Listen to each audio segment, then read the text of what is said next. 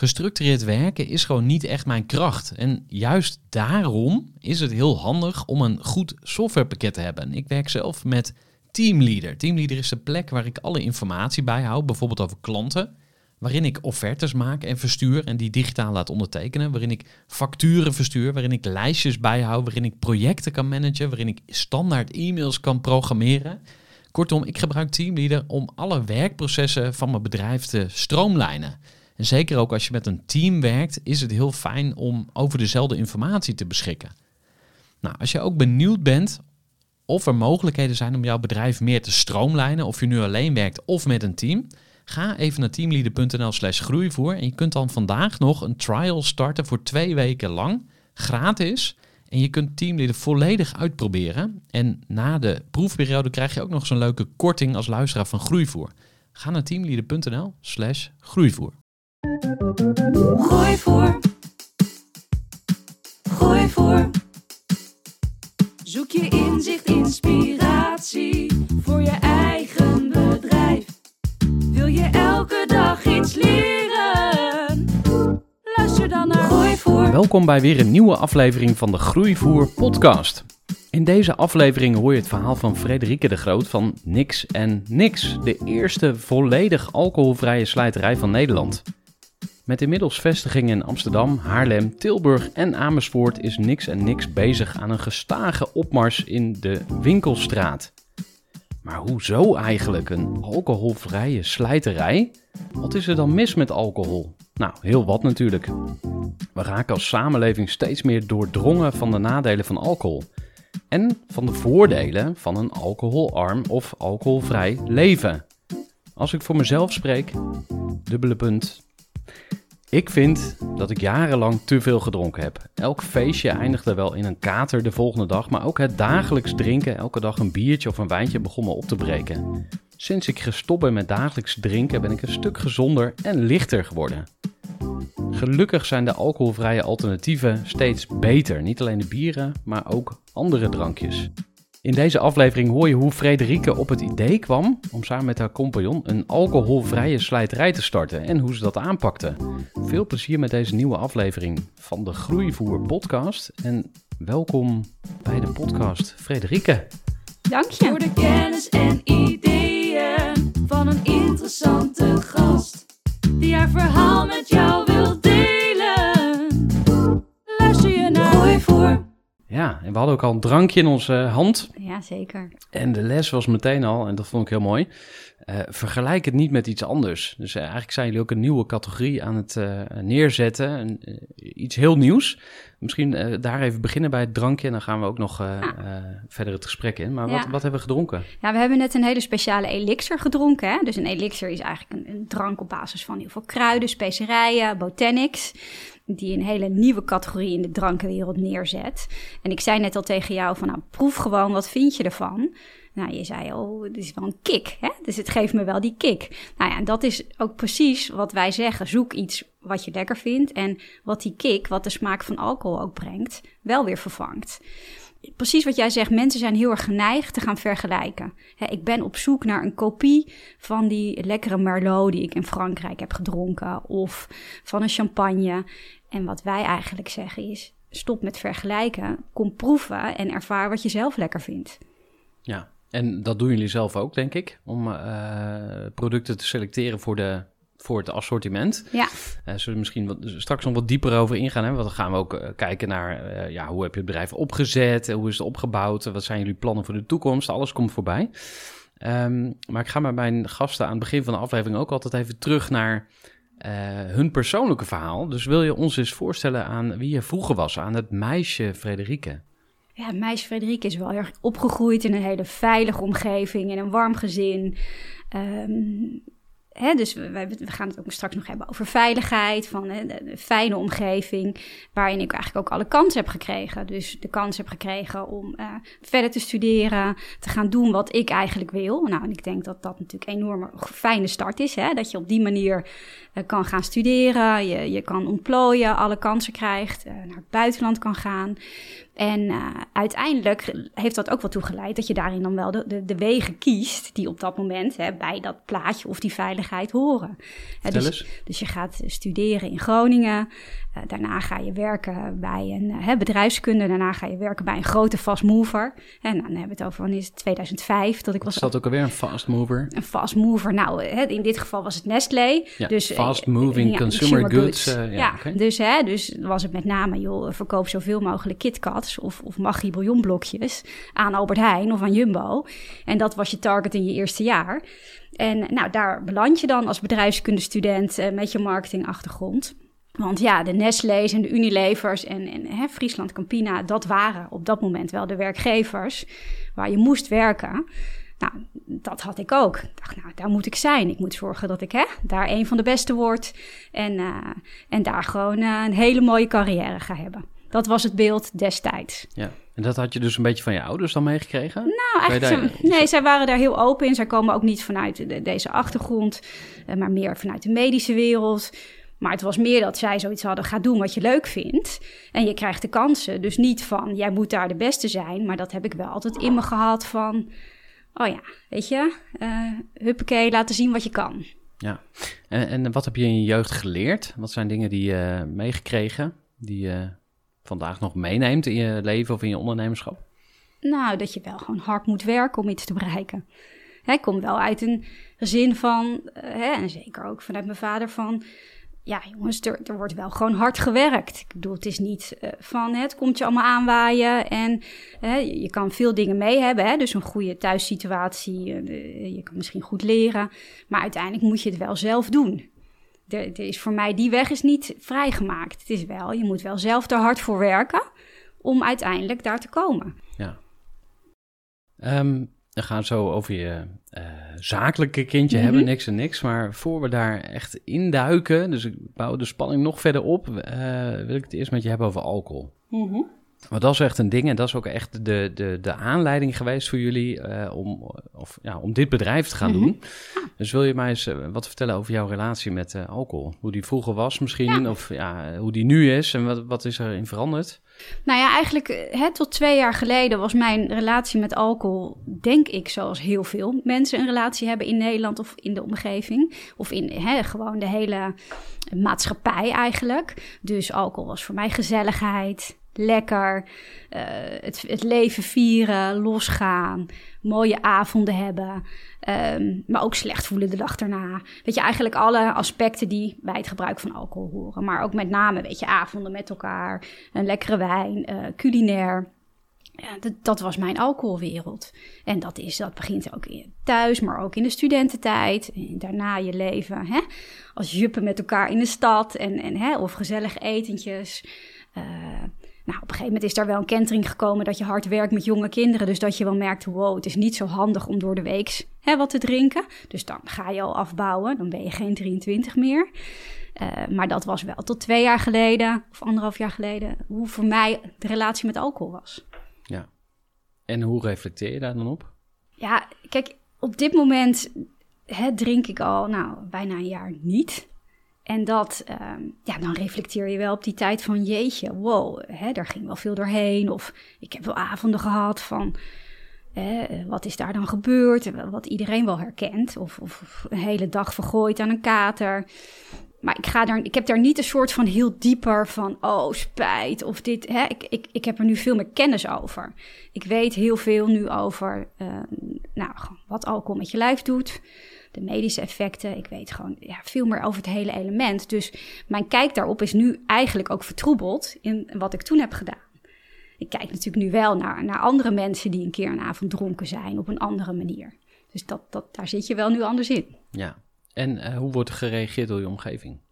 Kijk, wat ik net al zei, kijk, eh, alcohol is eigenlijk een soort sociaal bindmiddel van onze maatschappij hè, geweest. En, en daarin kijk ik er nu best wel tegenaan van dat is de wereld op zijn kop. Want als ik eh, bij een, op een borrel sta of op een feestje, nou dat had ik laatst nog, en dan wordt er een wijntje aangeboden.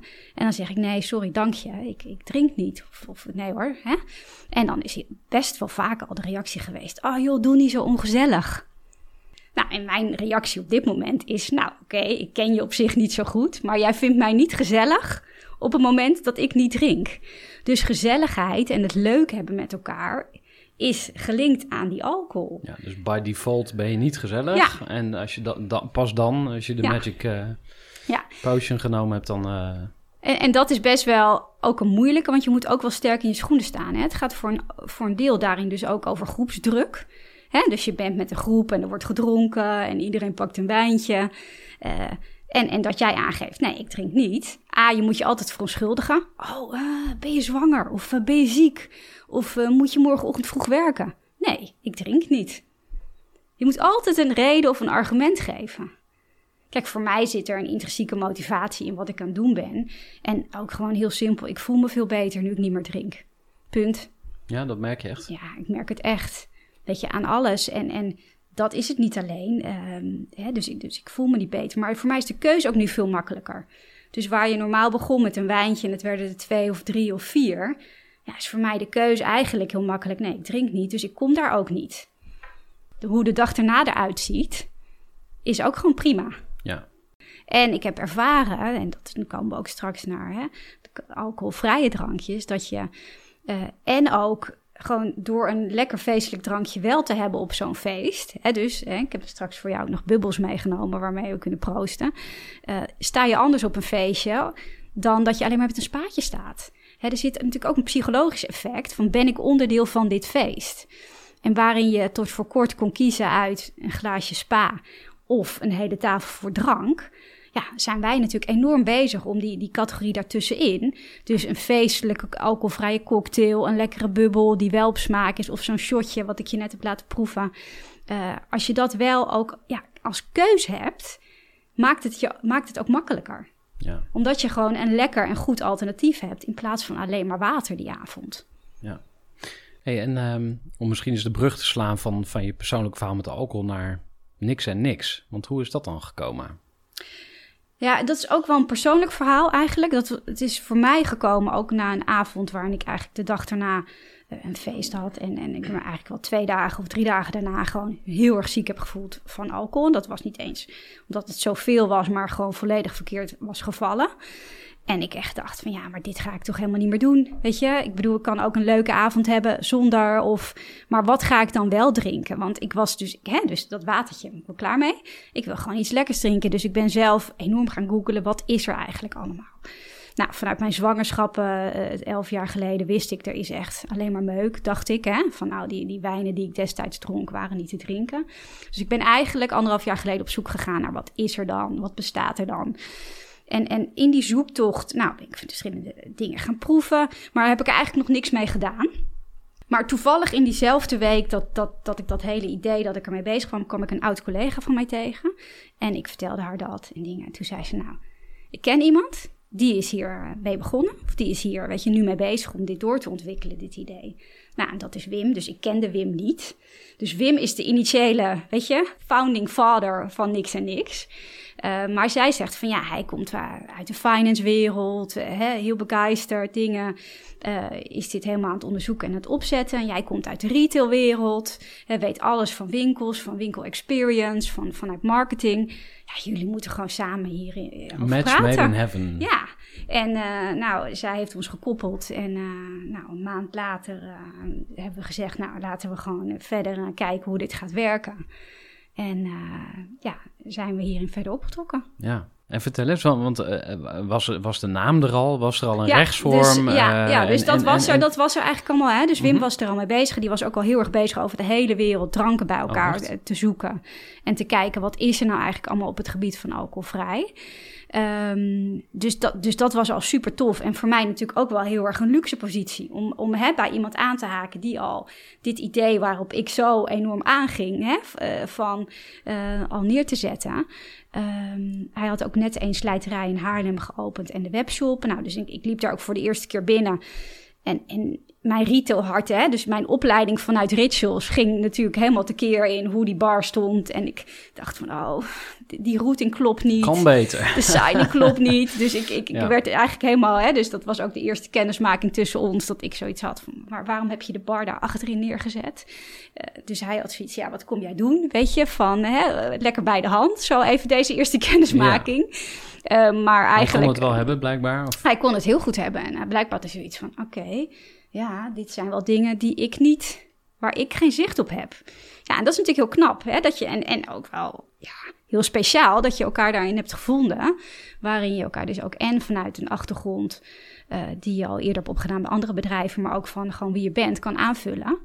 Uh, dus ja, dat is wel tot de dag van vandaag dat wij echt denken van wow, dit is wel echt super fijn en tof dat je dit uh, samen zo kan doen. Ja, dus het vraagt om een kleine uitstapje ook even naar uh, rituals. Hè? Want ja. Nestlé is al even voorbij gekomen. Hè? Ja. Je, je, hebt natuurlijk een aantal grote corporates gewerkt, mm -hmm. maar ja, rituals zou ik niet per se een corporate noemen. Het is eigenlijk gewoon een heel erg groot geworden ja. ja, Nederlands bedrijf. Ja. En jij was daar verantwoordelijk voor de training en opleiding van 8000 winkelmedewerkers, heb nou, ik gelezen. Maar je hebt verschillende rollen gehad. Dus ja, ja misschien ja, ik heb, als je het zelf omschrijft. Ik heb er elf jaar gezeten bij Ritsels. Uh, dus twee jaar, tweeënhalf jaar geleden gestopt. Elf jaar gezeten, maar toen ik er uh, daar binnenkwam, was Rituals ook nog in de fase van start-up, scale-up. Dus dat waren ook zoveel winkels daar, zoveel winkels daar. Dat was elk, ook nog aan één lunchtafel met elkaar lunchen. Hoe heet die founder ook alweer? Raymond ja. Kloosterman. Ken je hem ja. goed of niet? Ja. Nee, is een hele inspirerende founder. Hè? Ook met een hele duidelijke van, nou, we gaan hier naartoe. In dit, in dit jaar hebben we duizend, eh, zo voor zoveel jaar staan we op duizend uh, winkels. En dit is onze missie en visie. En, maar met name het ondernemerschap, wat ik daar natuurlijk wel ook heb geleerd in, ja, uh, ga maar en we gaan leren met elkaar. En uh, nou, elke week werd er wel ergens anders een nieuwe winkel geopend. En uh, ik heb eigenlijk daar heel veel kansen gehad in elf jaar om, om, om verschillende divisies uh, mee te maken. Van marketing uh, tot aan inderdaad training, tot aan retail. Dus echt goed van nou, hoe, hoe werkt nou het spel op die winkelvloer? Hoe communiceer je in de winkel? En dat gaat echt over de details. Weet je, en, en daarin was Raymond ook echt ontzettend sterk. Van ja, dat gaat echt over welke kopie gebruik je op die visual. Tot aan hoe staat die crème in het schap. Ja, daar leer je wel het vak. En, en, en, dat was dus ook inderdaad in die enorme groeifase. Hè, toen ik uh, wegging, waren er 800 winkels uh, wereldwijd. Uh, ja, natuurlijk de, de, beste leerschool die je eigenlijk kan hebben, in, in, waar ik nu dagelijks profijt van heb. Ja, en misschien heel even, maar waarom ging je weg? Nou, ook wel, hè, wat jij zegt, van uiteindelijk werd het een heel groot bedrijf. En was het vanuit het begin, ja, je bent verantwoordelijk voor heel veel dingen. Hè? Dus wat je ziet bij een start-up of scale-up, je hebt een breed, brede verantwoordelijkheid. Je kan over veel dingen meedenken. Uh, het echte pionieren. En op een gegeven moment wordt het een groot bedrijf en krijg je een, uh, nou, een deelgebied waar je eindverantwoordelijk voor bent. Wat heel logisch is. Want zo gaat het gewoon in de groei ja. van organisaties. Uh, en dat element is wat ik minder leuk vond. Um, hè, dus gewoon simpelweg van ja, de beginfase en het lekker met elkaar korte lijntjes, hè, met elkaar sparren, ondernemen, snelle stappen. Ja, dat wordt gewoon op een gegeven moment minder. En dat is ook oké. Okay. toen, maar toen heb ik wel gezegd, nou, deze fase past minder bij mij. Uh, ik wil weer terug naar uh, gewoon hè, kleiner, ondernemender. Even een korte onderbreking met een belangrijke vraag aan jou. Want wat heb jij geregeld voor het geval je van de ene op de andere dag zou komen uit te vallen? Wat gebeurt er dan met je bedrijf, maar vooral wat gebeurt er met jou persoonlijk en ook in financieel opzicht? Samen met ASR voerde ik drie openhartige gesprekken over tegenslag en veerkracht. En dat deed ik met Saskia, Vincent en Pieter. Ondernemers met een bloeiend bedrijf die van de ene op de andere dag niet meer konden werken. En die verhalen hoor je in aflevering 256, 257 en 258 van deze podcast. Als ondernemer wil je natuurlijk niet uitvallen. En daarom is het belangrijk dat je veerkrachtig bent, want voorkomen is beter dan genezen. En als het dan toch misgaat, is het fijn dat je iets geregeld hebt, zodat je weer snel door kunt met ondernemen. Wil je weten hoe veerkrachtig jij nu bent? Vul dan in twee minuten de veerkrachttest van ASR in. Ga naar asr.nl/slash veerkrachttest ondernemers. Ja. En dan weer terug naar het moment. Je loopt die ja. winkel in en, en je gaat eigenlijk weer een soort van de les lezen. Of in ieder geval een klein beetje bijscholen over, over uh, retail. En dan ontstaat er een gesprek tussen jullie. Of er wordt een vervolgafspraak gepland. We moeten even een keer doorpraten. Ja. En dan krijg je de kans om je in te kopen? Of hoe, hoe is ja, dat dus traject ik ben, verlopen? ik ben eerst gewoon... ik heb gezegd, nou weet je, let's give it a try. Ik kom gewoon een paar maanden gewoon meewerken. Weet je, zonder dat we aan elkaar vastzitten. We gaan gewoon kijken hoe werkt dit. En uh, inderdaad, al redelijk snel bleek dat heel goed te werken. En uh, heb ik inderdaad mee ingekocht. Ja. Uh, zijn er, als je erop terugkijkt op dat proces, zijn er dingen die je geleerd hebt waarvan je zegt van, hey, stel je bent, uh, want er zijn best wel veel ondernemers die bijvoorbeeld een compagnon hebben en die uh, misschien willen uitkopen, of twee compagnons die uit elkaar willen, maar je hebt natuurlijk ook compagnons die zeggen van, hey, ik wil maar ergens inkopen. Ik ben nu solopreneur als het ware, hè, met Eager People. Ik ben aan het nadenken van, hey, en misschien moet ik een, iemand zich laten inkopen mm -hmm. bij Eager People. Dus er zijn allerlei uh, variaties. Uh, wat zijn jouw inzichten over dat proces? Wat ik, wat ik een hele leuke vond, dat is misschien niet uh, een bewuste learning of zo die jij noemt, maar gewoon, ja, we gaan gewoon een paar maanden proberen. En ja. als het goed voelt, dan gaan we er verder mee, zeg ja. maar. Dus dat vind ik al heel leuk. Ja. Dan denk ik, oh, nou, zo kan het dus ook. Ja. En zijn er nog meer dingen? Nee, dus dat voor mij is, ik ben echt wel een gevoelsmens. Dus voor mij moet er op persoonlijk uh, level echt een klik zijn in, oké, kunnen we hier, kunnen we hier samen de oorlog gaan winnen? Hè? Gaan we hier, want je bent dagelijks met elkaar, moet je dit doen? Um, zitten we al nu al in die eerste paar maanden op één lijn dat je denkt van, hé, hey, weet je, waar zitten de gevoeligheden ook in? Waar vul je elkaar aan? Wie ben je als persoon? Ja, daar ben ik heel erg van mee begonnen. Hè? En, en alles wat daar vervolgens omheen hangt, van hey, hoeveel procent dan en dingen. Ja, daarin zat ik natuurlijk ook redelijk naïef in de wedstrijd. In de zin, ja, uh, ik ben redelijk snel te enthousiasmeren. Als ik, ik geloof volledig in het concept. Ik was er zelf mee bezig. En je hebt een klik met, met iemand die hier ook totaal begeisterd mee is en ook niet meer uh, 23 is. Hè? En um, ja, daaromheen moet je het goed regelen en beginnen in stapjes die voor mij ook goed voelden. En die ook realistisch waren. Hè, dus ja, kijk, als je misschien zakken met geld achter je hebt, dan, dan regel je dat op een andere manier. Um, maar dat was helemaal niet op de orde, aan de orde. Hè. Je moet dat ook uh, in een thuis- of in een privé-situatie allemaal goed kunnen doen. Hè, je komt uh, uit bepaalde situaties. Nou, je gaat gewoon weer terug naar af in uh, hè, wat, je, Tuurlijk, wat, ja. wat, je verdient en wat je kan doen. En dat moet allemaal, ja, moet je allemaal over nadenken. Um, maar ik ben wel snel als zoiets goed voelt en ik heb er zin in en ik word er super enthousiast van dat, dat dat stuk is dan niet waar ik dan nog jaren over ga nadenken of me heel erg door laat leiden. En misschien is dat dan dat je zegt over twee jaar, nou had je dat dan niet beter zo en zo kunnen doen? Ja, wellicht wel.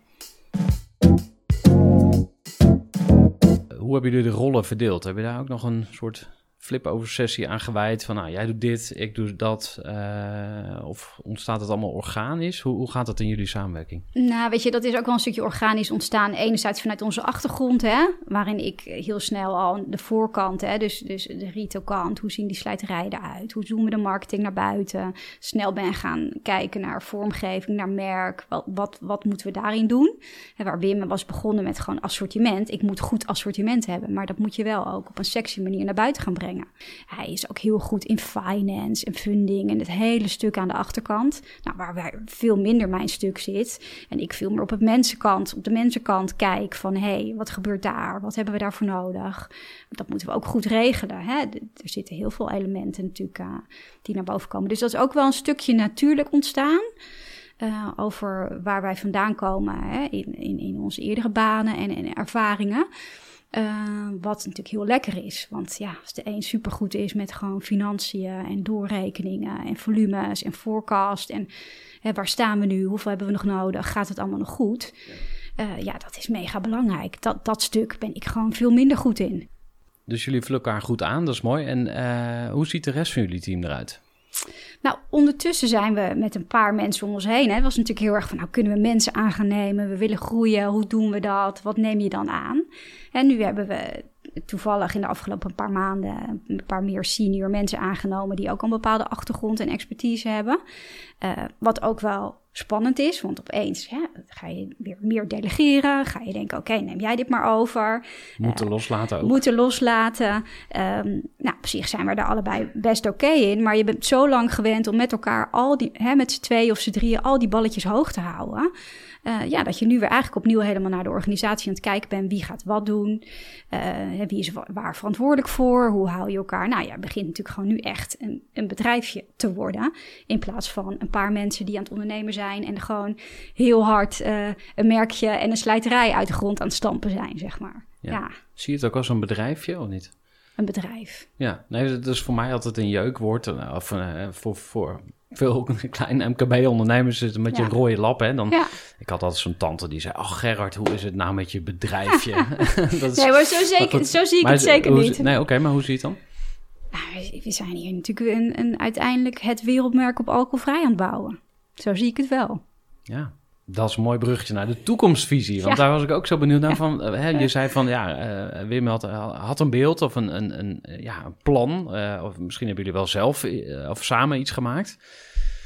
Ehm, neem ons eens mee. Wat, wat is jullie...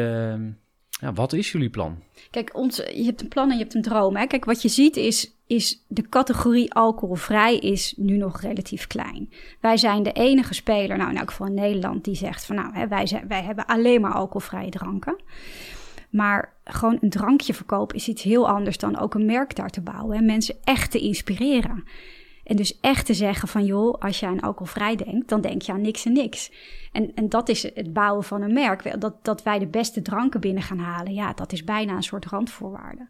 Maar dat we er ook voor jou willen zijn als je denkt, ik wil een super tof diner organiseren. Welke alcoholvrije wijn, waarbij moet ik schenken?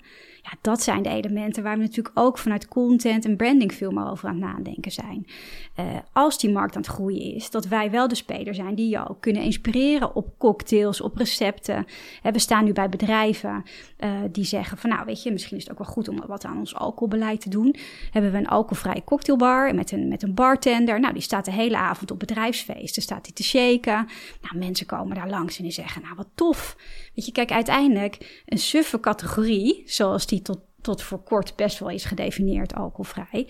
Ook vanuit eh, sceptisch, het is niet lekker. Ja, willen wij echt omkeren. Dit, dit, dit gaat de toekomst worden, daar geloven we in. Hè? In, in alle kennis en onderzoeken die er aan de onderkant liggen.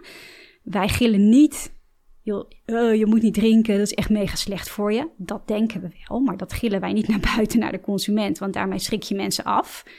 Maar als jij die keuze wil maken om minder te drinken of om niet te drinken, dan moet je in elk geval een lekker feestelijk alternatief hebben. Ja, en dat is wel waar wij voor gaan. Dat die beschikbaarheid er is en dat mensen het ook gewoon lekker en fun vinden. En dat je een keus hebt. Ja, interessant. Als vraag, hoe, hoe ziet zo'n winkel eruit? Want de Gal en Gal kennen we allemaal, Ja. of de, de Mitra. Maar hoe ziet jullie winkel eruit? Kijk, wat ontzettend belangrijk is in deze fase, is dat mensen ook echt de experience meekrijgen. Dus je komt binnen, er staat een hele grote bar. En iedereen mag bij ons alles proeven. Dus, hè, dus dit drankje zie jij in het schap staan, of die bubbel. En je denkt, ja, hm, hm, Sceptisch? sceptisch. het- Ik kom ja. hier voor het eerst binnen. Ik wil wel, maar hé, hey, hoe dan? En wij zeggen gewoon, joh, kom gewoon lekker proeven. Dus op een drukke zaterdag in de Jordaan, op de Westerstraat, staat die bar helemaal vol met mensen die denken van ja, dit is tof. Ik, ik loop eens naar binnen, ik, ik mag dit proeven. Eh, hè, dus de sceptici over wijn, van nu is er wel wat. Wij zeggen gewoon, kom gewoon zelf proeven. Want het is eigenlijk mega zonde dat je online of, of ergens in een andere, in een supermarkt die wijn koopt en je gooit hem weer door de gootsteen. Proef zelf wat je lekker vindt en ga, ga ontdekken, wennen.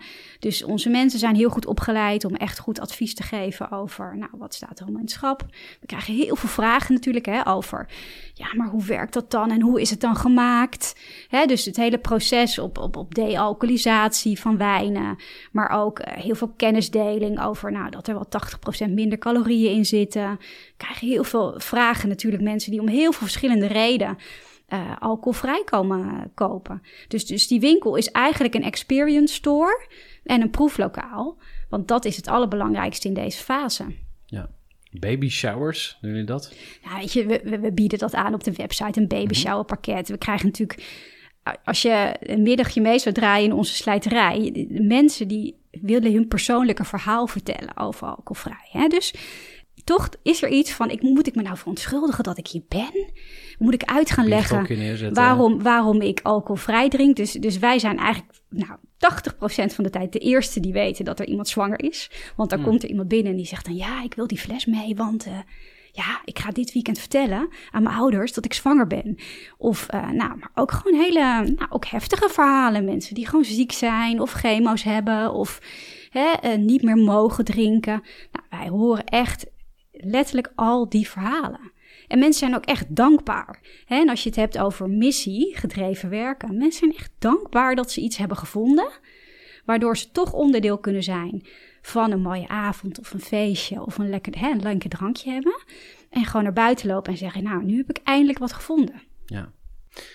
Hoe wordt er gereageerd door de gevestigde orde? Kijk, wij, zitten er in die zin heel positief in. Hè? Kijk, je ziet dat al die slijterijen ook hun alcoholvrijschap aan het vergroten zijn. Ze kunnen dit natuurlijk niet negeren. Dus, dus ze kunnen blijven zeggen, ja jongens, het valt allemaal wel mee. En is die trend er? Ja, die trend is er. Hè, dus als je naar alle cijfers kijkt, ook in het buitenland, in de US, in Duitsland, de grootst groeiende categorie. Dus ze gaan daar zelf ook op inspelen. En wij zeggen eigenlijk, joh, we omarmen dat. Doe dat lekker ook. Want hoe groter die plas wordt en mensen bewuster omgaan met, met het gebruik van alcohol, ja, hoe beter dat ook voor ons is. dat er zal altijd een specialist zijn of een echt merk die dit, die dit in deze pionierfase moet aanjagen. En die rol pakken wij graag. Uh, dat er natuurlijk een bepaalde lobby aan de achterkant is vanuit de alcoholindustrie. Ja, Weet je, dat, dat gaat natuurlijk ook over hè, het preventieakkoord en dat soort dingen, wat er nu uh, natuurlijk al jaren gaande is. Hm. Hoe, uh, hoeveel winkels denk je dat jullie kunnen hebben in Nederland?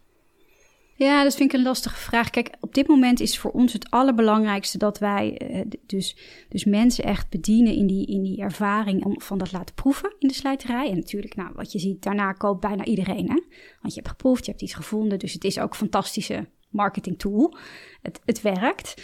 Um, ik denk niet dat je nu al in elk dorp in Nederland moet zitten, want dat is gewoon te vroeg. Daar zijn wij te klein voor, maar dat je zeker in de grote steden uh, deze rol kan vervullen. Dat daar ook echt behoefte aan is binnen die doelgroep. En, en zeker in de komende jaren, uh, als dit verder doorzet.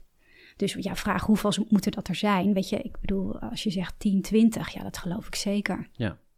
En dan, uh, waar wordt het meest verkocht? Want jullie hebben ook zelf een uh, online verkoopkanaal, hè? Dus, ja. uh... Nou, kijk, als je nu kijkt naar ons online kanaal en, en de winkel op de slijterij op de Westerstraat, doen die het allebei wel goed, echt heel goed. En dus dat zijn op dit moment wel de, de twee grootste kanalen. Ja. ja. Wordt er geld verdiend bij jullie? Nou, we zijn met name aan het investeren. Kijk, mhm. als je kijkt, hè, wat, wat kost het om een slijterij te openen met de hele inrichting, uh, mensen, uh, zitten we echt nog wel op die kant van het model. Uh, dus dat um, is nog niet dat daar. Nee. nee, maar dat lijkt me ook best wel een, uitdaging. Zeker inderdaad als je winkels zeker. hebt, hè, daar gaan ja. en, en, en, en personeel, of ja, ja. personeel. ja. en die funding, dat regelt je compagnon dus? Ja, dus hij is gelukkig daar hè, ook wel uh, vanuit uh, nou, het verleden. Weet je, weet hij er veel vanaf. Wat voor constructies kan je doen? Hoe kunnen we dat inregelen? Nou, dus dat is heel fijn. Um, ja, dus daar zijn we natuurlijk continu aan het kijken. Hoe kunnen we doorgroeien? Weet je, hoe snel wil je? Hoe snel wil je niet? Hè, wil je nieuwe funding ophalen of niet? Ja, dat zijn eigenlijk de vraagstukken waar we ja, nu voor staan. Ook uh, na anderhalf jaar. Hè, dat je ziet van oké, wat draai je die slijterijen? Wat draait je webshop? Wat heb je echt nodig om uiteindelijk... Hè, Europe's number one uh, alcoholvrij merk te worden. Ik bedoel, ja, dat is wel de ambitie. Ja. Um, business to business, is dat ook een uh, ja. categorie bij jullie? Want ja, gewoon één flesje verkopen aan een consument die misschien volgend ja. jaar een keer terugkomt, dat lijkt mij heel... Ja. Hè, dat duurt wel heel lang uh, voordat je dan geld gaat verdienen. Maar als je zegt van, hé, hey, wij zijn gewoon de expert op dit gebied en we kunnen de delivery heel goed doen eh, als je gewoon uh, door de stad rijdt, dan zie je altijd van die bussen van, weet ik veel, uh, vlees, uh, vleesgroothandel voor de horeca of zo. Mm -hmm, maar er mhm. zijn heel veel van die specialistische bedrijven die ja. dan leven, toeleveren aan de horeca. Dus ja. dat is gewoon, daar zit, daar zit iets. Hè? Ja. Dus dat zou voor jullie denk ik ook een hele relevante doelgroep zijn. Maar dat Zeker. staat misschien wel weer een beetje haaks op uh, een brand bouwen en, en naar die eindgebruiker toe. Ja. Maar hoe, hoe verdelen jullie de resources? Of nou, kijk, we zien zeker business to business dat dat voor ons natuurlijk een hele interessante markt is. Hè? Kijk, enerzijds horeca, waar we zeker dagelijks vragen krijgen vanuit restaurants. Van, joh, kan je ons adviseren? Wat moeten we doen? Maar ook wel een markt die nog eigenlijk best wel conservatief is. Van, ja, maar ja, is dat dan wel lekker? Dat wil mijn... Hè, een 0.0 biertje, prima. En soms hebben ze ook wel een alcoholvrij gin op de kaart. Maar het mooie is dat natuurlijk... Um, ja, er zijn nu ook echt een aantal sterrestaurants die bij ons bestellen. En die komen echt gewoon eerst proeven. Die willen geadviseerd worden. Dan denk je, ja, dat is wel mega tof als zij daar ook voorloper in gaan worden, dat er ook steeds meer gaan volgen. Maar het hele distributiemodel, hè, wat jij nu schetst, en dat, dat je geen afzendermerk bent in de, in de horeca, dat is voor ons wel een lastig dilemma. Want dat is wel een hele andere, hè, je bent daar niet je niks niks merk primair aan het bouwen, maar uh, nou, dat merk wat je net hebt gedronken, uh, krijg je dan als bubbeltje. Um, maar daar moet je ook slim over nadenken. Kunnen we uiteindelijk uh, op de menukaart komen? Hè? Powered by niks en niks. Of, nou, dus dat zijn allemaal dingen waar we nu ook over aan het nadenken zijn. Hoe kunnen we ons als afzendermerk van de beste kwaliteit op het gebied van alcoholvrij ook in de business-to-business markt uh, goed neerzetten? Ik ben benieuwd of er ook uh, copycats al zijn gekomen. Want Hè, als je iets nieuws doet in de markt, dan zijn er mhm. altijd mensen die zeggen: hey, goed idee, ga ik ook doen. Heb je dat al wel eens meegemaakt? Of, uh... Nou, kijk, een alcoholvrije fysieke slijterij. Nou, die zien we wel in het buitenland, hè? maar ook nog niet heel veel. Duitsland is de grootste groeimarkt, die heeft er nu een paar. Uh, New York zit een hele grote. Uh, die heeft er nou, vijf, zes vestigingen. Die is heel erg aan het uitbreiden nu ook door heel Amerika. Uh, heel interessant, want die hebben net funding opgehaald. Die gaan heel hard groeien. Dus nou, binnenkort gaan we ook zeker met hun in gesprek. Hoe doen jullie dit? Gaan ze een bod uitbrengen? op ons? Ja, dat weet ik niet. Nee, zou het, zeg maar nee. Als ik naar je kijk, dan zou je het niet... Dan zou je het misschien wel leuk vinden over een tijdje of zo. Nee, kijk, uiteindelijk is, is dat niet ons hoofddoel. Maar als, als je daarmee de versnelling hebt vanuit onze missie om, om uiteindelijk de lekkerste alcoholvrij drank toegankelijk te maken voor heel veel mensen, uh, daarmee versnelt, zeg je daar ligt geen nee tegen. Ja. Uh, maar dat moet wel op, vanuit die missie hè, en, en, en, en doelstelling gedreven zijn. Niet omdat wij zeggen, oh dan verdienen we snel geld. Mm. zo zitten we er allebei ook totaal niet in. Weet je, dit is echt wel onze passie waar we nu in zitten. Ja. En we zien ook, we, we zitten er zo gedreven in om, om deze categorie te doen groeien. Ook omdat we, ja, wat ik net al tegen jou zei, weet je, het hele maatschappelijke element. Dus uh, hoe gek is het dat jij in een restaurant zit. En iedereen is nu gewend aan dat je een vegetarische hamburger kan bestellen. Ja. Maar ik kan geen alcoholvrije wijn bestellen. Wat je ook op dat gebied ziet is. Uh, een aantal jaren geleden uh, werden de, weet je, de, de restdruiven gepakt en dingen, weet je, en slechte druiven, slechte technologie. En wat er nu gebeurt is dat men ook natuurlijk vanuit technologisch oogpunt steeds beter wordt in het dealcoholiseren van die wijn. Ja, dus alle dus- aroma's, eigenlijk alles maken ze erin, behalve... Behalve de alcohol. Ja. Maar daarbij geldt nog steeds... Weet je, de smaak van alcohol kunnen we natuurlijk niet vervangen. Dus de mindset dat je het één op één kan vergelijken in de wijnwereld, die moet je ook loslaten. En dat is natuurlijk een hele lastige. Uh, maar wat je ook ziet in, in, in de wijnwereld is dat er uh, wijnen ontstaan die eigenlijk niet gedealcoholiseerd worden, maar eigenlijk helemaal vanaf het begin worden opgebouwd vanuit smaakstructuur. Dus die worden nagemaakt. En dat is ook een hele nieuwe wereld die er nu aan de achterkant uh, komt. Die kijken gewoon van, wat is nou heel lekker bij dat kaasplankje, alcoholvrij? En bouwen dan die smaakstructuur uh, op in een hele nieuwe wijnwereld. Dus dat gaat helemaal niet meer over dealcoholisatie. Dat gaat over nou, de, de elixir die je net hebt geproefd. Um, die je een pittige smaak geeft of die heel lekker gaat met dat gerecht. Dus, dus die hele wereld aan de achterkant is zo hard aan, in ontwikkeling. Op, op technologie, op he, alles wat er beschikbaar komt. Dat uiteindelijk ook jij straks in een restaurant zit. Maar je moet er wel voor openstaan. Als je er niet voor open staat, ja, dan moet je het gewoon niet doen. Hmm. Want het is iets anders. Als je ziet wat de afgelopen tien jaar allemaal veranderd is in die markt. Hè, dus uh, ik las iets over het marktaandeel van alcoholvrij bier. Is het nu op 6% of zo? Ik weet niet waar het was uh, tien jaar geleden, maar misschien nog niet eens 0,6%. Ik heb geen idee, maar het is zo hard gegaan. En uh, je hebt geloof ik de wet van Moore of zo, die, die gaat over het tempo waarmee innovatie ontstaat. Dus, en dat gaat steeds sneller. Dus wat ik jou hoor zeggen is eigenlijk, ja, de technologische ontwikkelingen gaan zo hard en er is zo'n beweging gaande.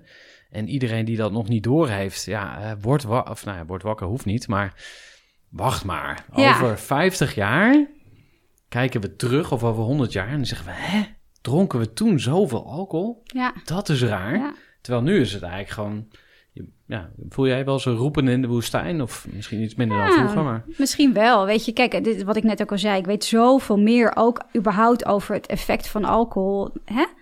ook wat het medisch gezien doet. En daarin vergelijk jij dit met zoveel jaar geleden. Maar ik, wij vergelijken het wel eens met uh, roken. Hè, weet je, waar op verjaardagen vroeger bij ons thuis gewoon iedereen binnen zat te roken. Waarin je vloog, waarin iedereen zat te roken kan je toch niet meer voorstellen dat, dat de kantoren blauw staan en dingen. Maar dat is wel heel erg medisch gedreven uiteindelijk destijds. Hè, omdat er een hele duidelijke correlatie op je lijf en longkanker en alles aantoonbaar is geweest. En, en ook vanuit de industrie en politiek en alles daarop in is gezet.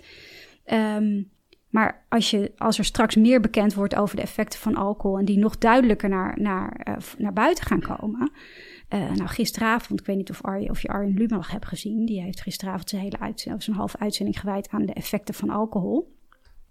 Nou, ik dus denk dat zat er... in, ja, jullie kamp ook? Of? Zeker, zeker. Want dat lijkt weet me typisch iemand die dan satire maakt en zegt... ach, die alcoholvrijtjes, uh, Nee, nee, nee die, die, die was echt... Ja, hmm. het was snoeihard. Oké. Okay. Snoeihard over, weet je, waar zijn we eigenlijk nog mee bezig? En hoe kan het dat er nog een vrienden van Amstel Live is... in plaats de vijanden van Amstel Live? En uh, dus hoe, hoe Arjen Lubach dat natuurlijk kan doen.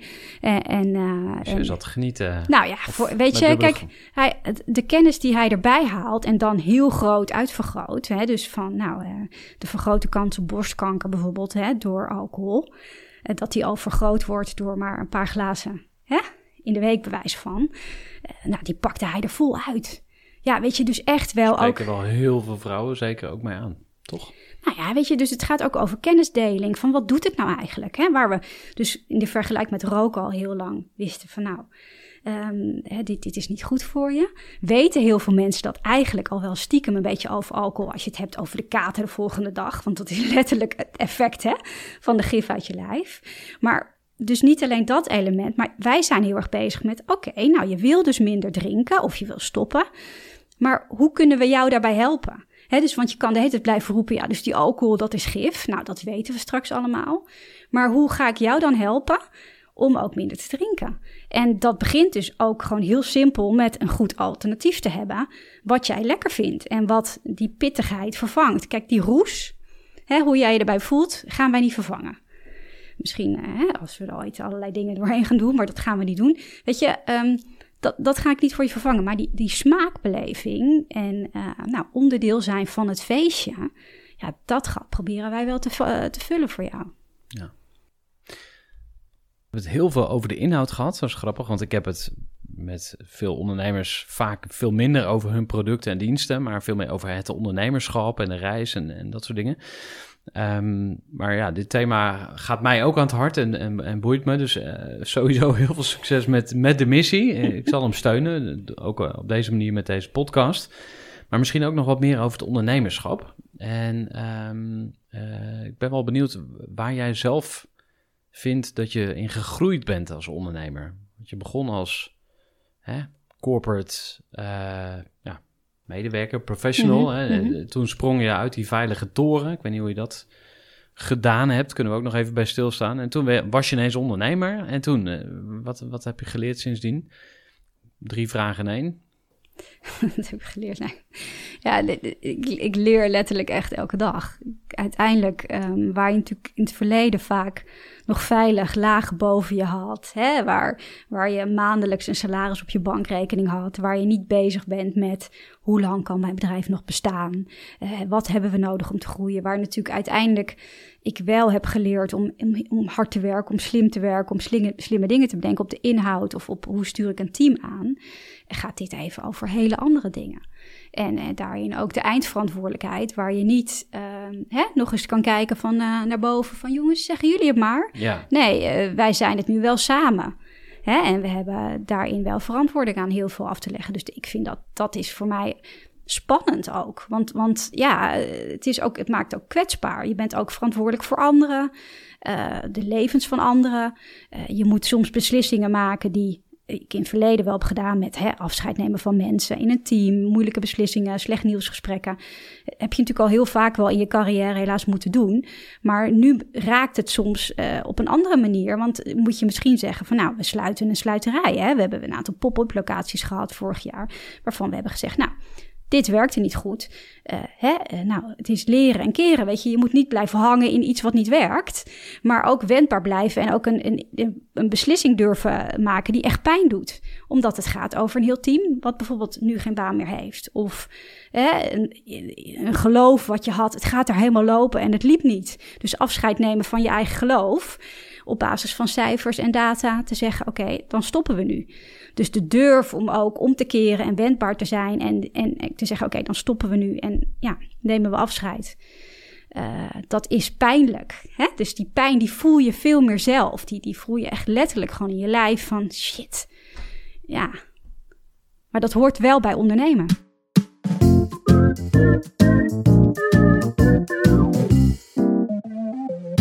Um, wat is volgens jou een goede ondernemer? Um, ja, ik denk uh, goede ondernemer. Kijk, ik ben heel mensgericht. Dus ik probeer heel erg ook te denken over, nou oké, we willen een bepaald resultaat behouden. Maar ook heel goed voor onze mensen zorgen. En hoe krijgen we ze hier mee?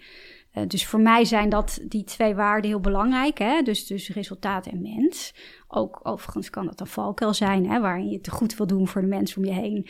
En soms daarin een bepaalde hè, beslissingen misschien niet neemt of niet durft te nemen. Um, maar voor mij zit ondernemerschap wel heel erg over nou, durven gaan. En dus zelf durven gaan, dat voorbeeld te geven. Uh, maar ook anderen kans te bieden om ook te gaan. Weet je, ga maar onderuit. Ga maar. Weet je, je hoeft niet alles te checken of te doen. Ik heb liever dat je denkt van nou, ik, ik, ik voer dat plannetje morgen uit dan dat je uh, vijf PowerPoints voorbereidt over een maand en daarna een keer denkt: oh, misschien mag ik dat gaan doen. Je, dus ondernemen is voor mij zeker in deze fase ook met elkaar durven leren. En uh, te zeggen tegen mensen: oké, ga het doen. Werkt het niet? Leer ervan. En dan bedenken we wat anders. Als dat leereffect er maar is. Um, en dat natuurlijk wel met behoud van, van de juiste mensen op de juiste plek. Want dat gaat natuurlijk wel enorm helpen als je gewoon goede mensen hebt in je teams. En dan kan je ook samen binnen dat vertrouwen ook, uh, ook, ook echt gaan leren en, en durf je ook gewoon fouten te maken. En dat is wel ook uh, wat ik zelf heel erg heb geleerd, zeg maar, in uh, al die jaren. Ja. Zijn er andere ondernemers of bedrijven waar jij naar kijkt als voorbeeld? Nou, weet je, kijk, er zijn natuurlijk organisaties of bedrijven die, die ook hun nek hebben durven uitsteken. Uh, en, en, en ook zijn gegaan in een bepaald businessmodel, weet je. Dus dat is, of als eerste waren in een bepaalde markt, weet je. Dus dat is in de vegan industrie. of zo, als uh, nou, weet de je, vegetarische slager. Ja, je, weet je, kijk, zij zijn daar natuurlijk wel ooit ook als pionier begonnen, hè. Van, eigenlijk is er wel een parallel van, ja, een hamburger, vegetarische hamburger is toch niet te eten, is toch niet lekker. Ja, nou ja, ga het zelf maar proeven. Ja, en ondertussen is natuurlijk de helft van het schap in de supermarkt is gewoon een vegan hamburger. En zijn we allemaal oké, hè? Want jij gaat ook niet meer elke dag je vegan hamburger vergelijken met je gewone hamburger. Want je weet, het is op zich wat anders. Ik vind het prima. Mijn kinderen vinden het ook hartstikke lekker, een vegetarische hamburger. Dus waar hebben we het over? Dus dat zijn wel de pioniers in een bepaald.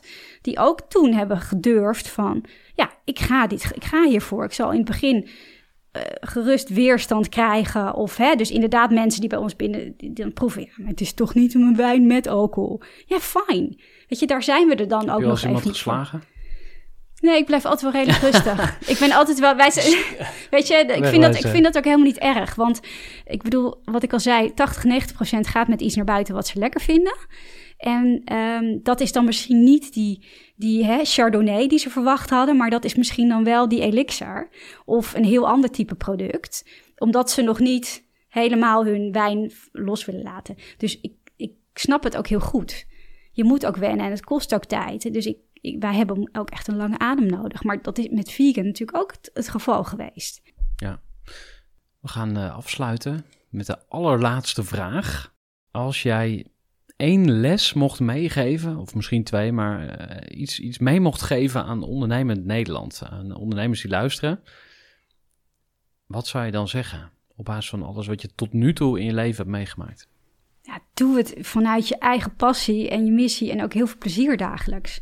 Want als je het doet om, weet je, waarin ik ook als mensen spreek van, oh, hoeveel ga je mee verdienen of geld gedreven.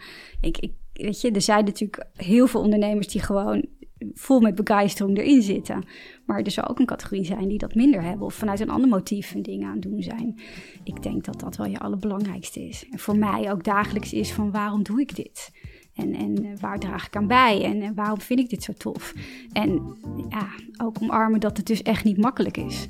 Ja, het is ook niet makkelijk. Weet je, wij, wij zeggen altijd het liedje van eh, niemand zei dat het eenvoudig zou zijn. Nee, ja, dat is het dus ook niet. En je doet het toch. Ja, succes met je missie en eh, dank voor jouw komst. dank je. Dan proosten we zo even. hè? Heel graag. Gooi voor. Gestructureerd werken is gewoon niet echt mijn kracht. En juist daarom is het heel handig om een goed softwarepakket te hebben. Ik werk zelf met Teamleader. Teamleader is de plek waar ik alle informatie bijhoud, bijvoorbeeld over klanten. Waarin ik offertes maak en verstuur en die digitaal laat ondertekenen. Waarin ik facturen verstuur, waarin ik lijstjes bijhoud, waarin ik projecten kan managen, waarin ik standaard e-mails kan programmeren. Kortom, ik gebruik Teamleader om alle werkprocessen van mijn bedrijf te stroomlijnen. En zeker ook als je met een team werkt, is het heel fijn om over dezelfde informatie te beschikken. Nou, als je ook benieuwd bent of er mogelijkheden zijn om jouw bedrijf meer te stroomlijnen, of je nu alleen werkt of met een team, ga even naar teamleader.nl slash groeivoer en je kunt dan vandaag nog een trial starten voor twee weken lang, gratis. En je kunt Teamleader volledig uitproberen. En na de proefperiode krijg je ook nog zo'n leuke korting als luisteraar van Groeivoer. Ga naar teamleader.nl slash groeivoer.